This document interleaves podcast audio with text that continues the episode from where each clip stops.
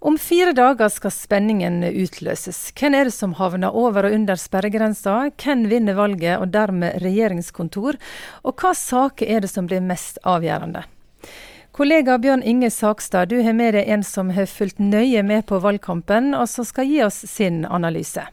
Ja, det har jeg. Vi har med oss Astrid Dalehaug Norheim, journalist i avisen Dagen. Hva er det som eh, har prega denne valgkampen, eh, hvis du skal se det med, med dine briller? Det er en uh, veldig spenning uh, og kamp mot sperregrensa uh, for fire parti.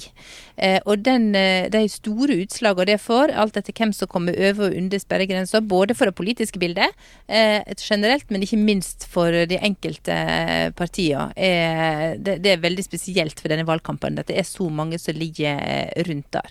Og Så er det jo òg litt spesielt at altså, vi har hatt en statsminister som har sittet i åtte år. og Eh, vil prøve seg på en tredje periode. Da er ikke vanlig i norsk politikk at, hun klarer.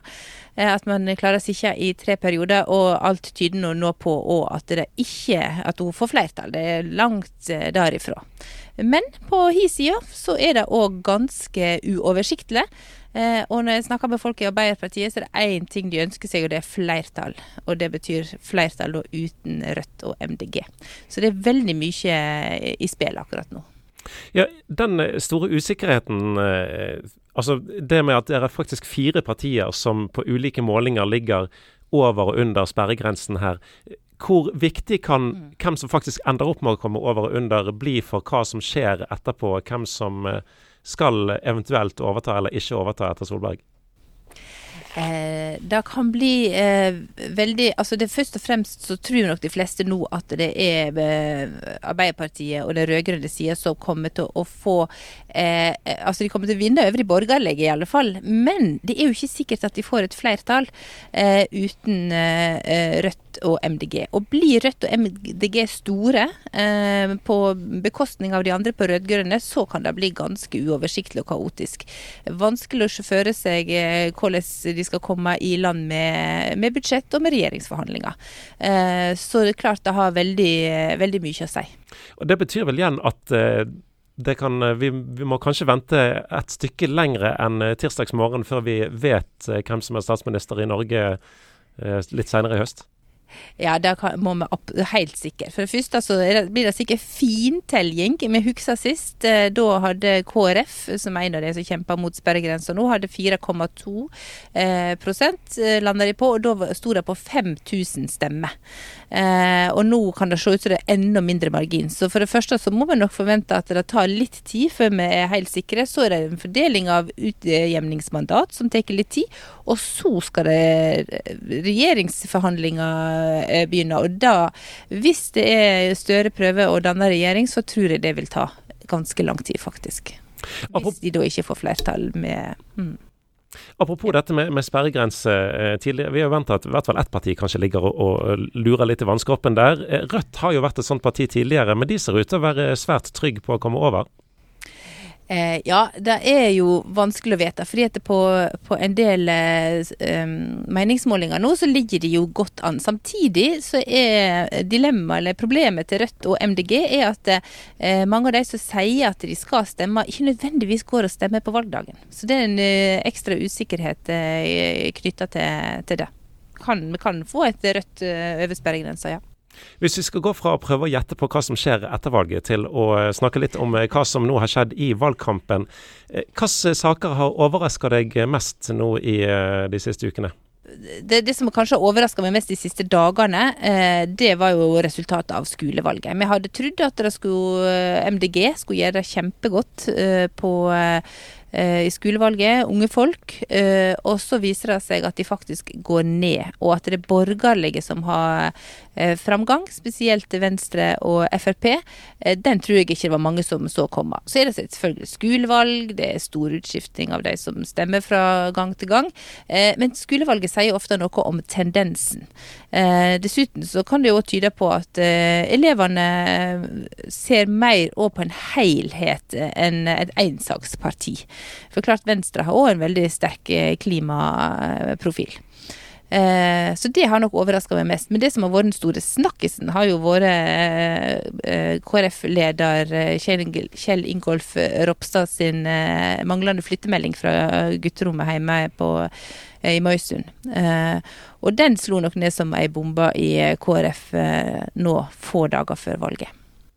Ja, hvordan oppfatter du at, at partiorganisasjonen har skulle si, tatt denne bomben, som du sier?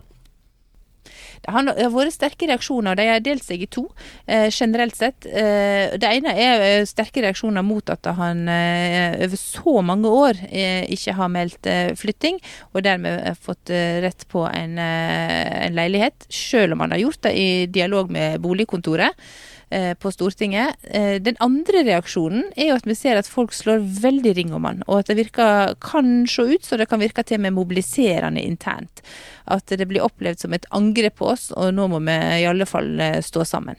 Og vi som har interessert oss for politikk en del år, vet jo at det kommer den type saker med litt ulik innretning Eh, med jevne mellomrom. Eh, men klart det at det kommer så rett før valget, og at det gjelder en KrF-leder, er veldig lite gunstig for KrF. Ja, for det er vel, som det har vært nevnt fra flere kommentatorer, litt ekstra pikant at det nettopp er en KrF-leder som eh, blir eh, ja, Jeg vet ikke om det blir riktig å si at han blir tatt med buksene nede, men det er jo det som på en måte blir antyda i, i overskriftene det blir nok det etterlatte inntrykket eh, at han blir tatt med buksene nede. Selv om, eh, som han selv understreker, han har hatt nær dialog med boligkontoret. Eh, han har informert dem om eh, situasjonen sin. Og eh, spørsmålet er jo om det er for rause ordninger eh, som er der. Også, men poenget ditt, ja. det er klart det blir sett på som ekstra pikant at det er KrF-lederen. da tenker man jo ofte KrF, som skal holde sin sti veldig rein, og så har man operert i ei grå gråsone her. Eh, og så var det VG-kommentator Tone eh, Aglen. Hun sa òg her om dagen at, eh, at, han har nok fått et litt sånn stempel på seg for å være litt sånn hakkekylling, en som en lett kan ta. da.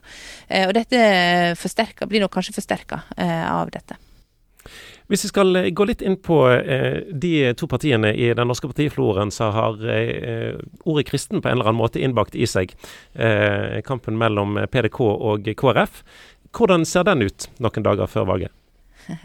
Eh, den, eh, altså PDK ligger jo eh, innunder andre, eh, så det er ikke så ofte vi får sett hvordan de ser ut eh, og hvor store de er rett før valget, fordi at de er en hel haug sammen med andre småparti.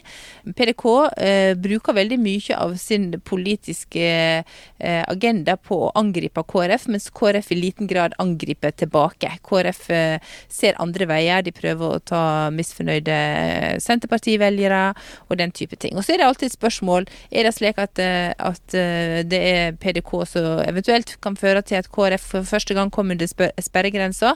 Eh, folk må jo velge sjøl hva de vil stemme på. Det er jo ikke heller gitt at de som stemmer på PDK, hadde stemt KrF hvis ikke det partiet var der. Men klart KrF er skvist i en situasjon der de trenger hver eneste stemme mellom et PDK på ene sida og sentrum på hi sida. Så de har ikke råd til å miste noen. Men dersom eh, KrF skulle havne under, under sperregrensen, vil da disse to partiene bli oppleves som mer jevnbyrdige? Eh, det tror jeg nok ikke. Eh, det er nok veldig langt fram der hvis det noen gang vil skje. KrF har en lang historie, de har en organisatorisk eh, kraft. De har en solid organisasjon, de har et fungerende demokrati. De har drilla tillitsvalgte som er vant med å ta ordet i det offentlige rom. Det samme kan du ikke si om PDK, så det er to helt ulike størrelser det er snakk om. Fire dager igjen til valget, altså. Eh, avslutningsvis, Astrid Dahlaug Norheim. Eh, hvordan blir disse dagene? Jeg syns jeg ser at eh, politikerne er ganske intense. Jeg har nesten lyst til å si desperate, det vil kanskje dra det litt langt. Men altså her er det voldsom kamp om stemmene. Så jeg tror du kommer til å se politikere som er høyt på banen hele veien fram ut gjennom helga. Så skal vi eh, ta en prat med deg eh, igjen når eh, resultatet er iallfall eh, Vi kan se konturene av det i det minste på, eh, på eh, tirsdag formiddag. Tusen takk for praten i denne omgang. Og så blir det jo spennende da, Anne Birgitte, å se hva som faktisk skjer både på valgdagen og i dagene framover. Ja, det blir det absolutt. Takk for interessant prat fra dere to, fra Bergen og Kristiansand. Du har hørt en podkast fra Petro. Du finner masse mer i vårt podkastarkiv på petro.no.